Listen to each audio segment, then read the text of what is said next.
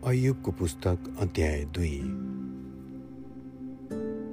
अर्को एक दिन स्वर्गदूतहरू परमप्रभुको सामुन्य उपस्थित हुँदा सैतान पनि आफूलाई उहाँको अगाडि उपस्थित गराउन तिनीहरूसँगै आयो। अनि परमप्रभुले सैतानलाई सोध्नुभयो त कहाँबाट आइस त्यसले भन्यो पृथ्वीमा चारैतिर घुमफिर गर्दै आएको हुँ। तब परमप्रभुले सैतानलाई भन्नुभयो के तैँले मेरो दास अयुबलाई याद गरिस्? परमेश्वरसँग डर राख्ने र दुष्ट कामबाट अलग रहने त्यो जस्तो निर्दोष र सोझो मानिस पृथ्वीमा अरू कोही छैन। बिना कारण त्यसलाई नाश गर्नलाई तैँले मलाई उक्साइस्। तर त्यसको निष्ठा अझसम्म ढलपल भएको छैन। सैतानले परमप्रभुलाई जवाब दियो चामको साटो चाम आफ्नो ज्यान बचाउन मानिसले आफूसँग भएका सबै कुरा दिँदैन र आफ्नो हात पसारेर तिनको शरीरमा चोट पुर्याउनुहोस्।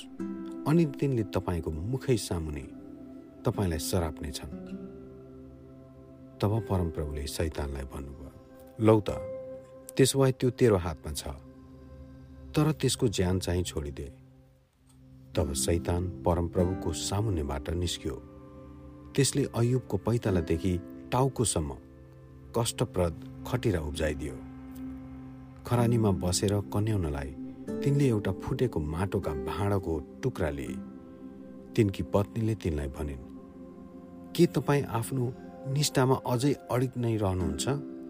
परमेश्वरलाई श्राप्नुहोस् र मर्नुहोस्। अयुबले जवाब दिए तिमी एक मूर्ख आइमाई जस्तै कुरा गर्दैछौ।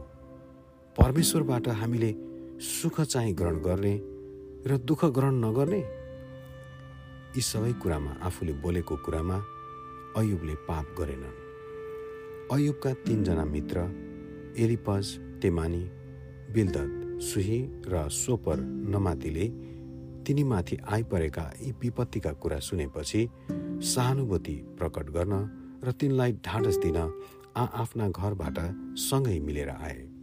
तिनीहरूले तिनलाई टाढैबाट देखे र चिन्न सकेनन्।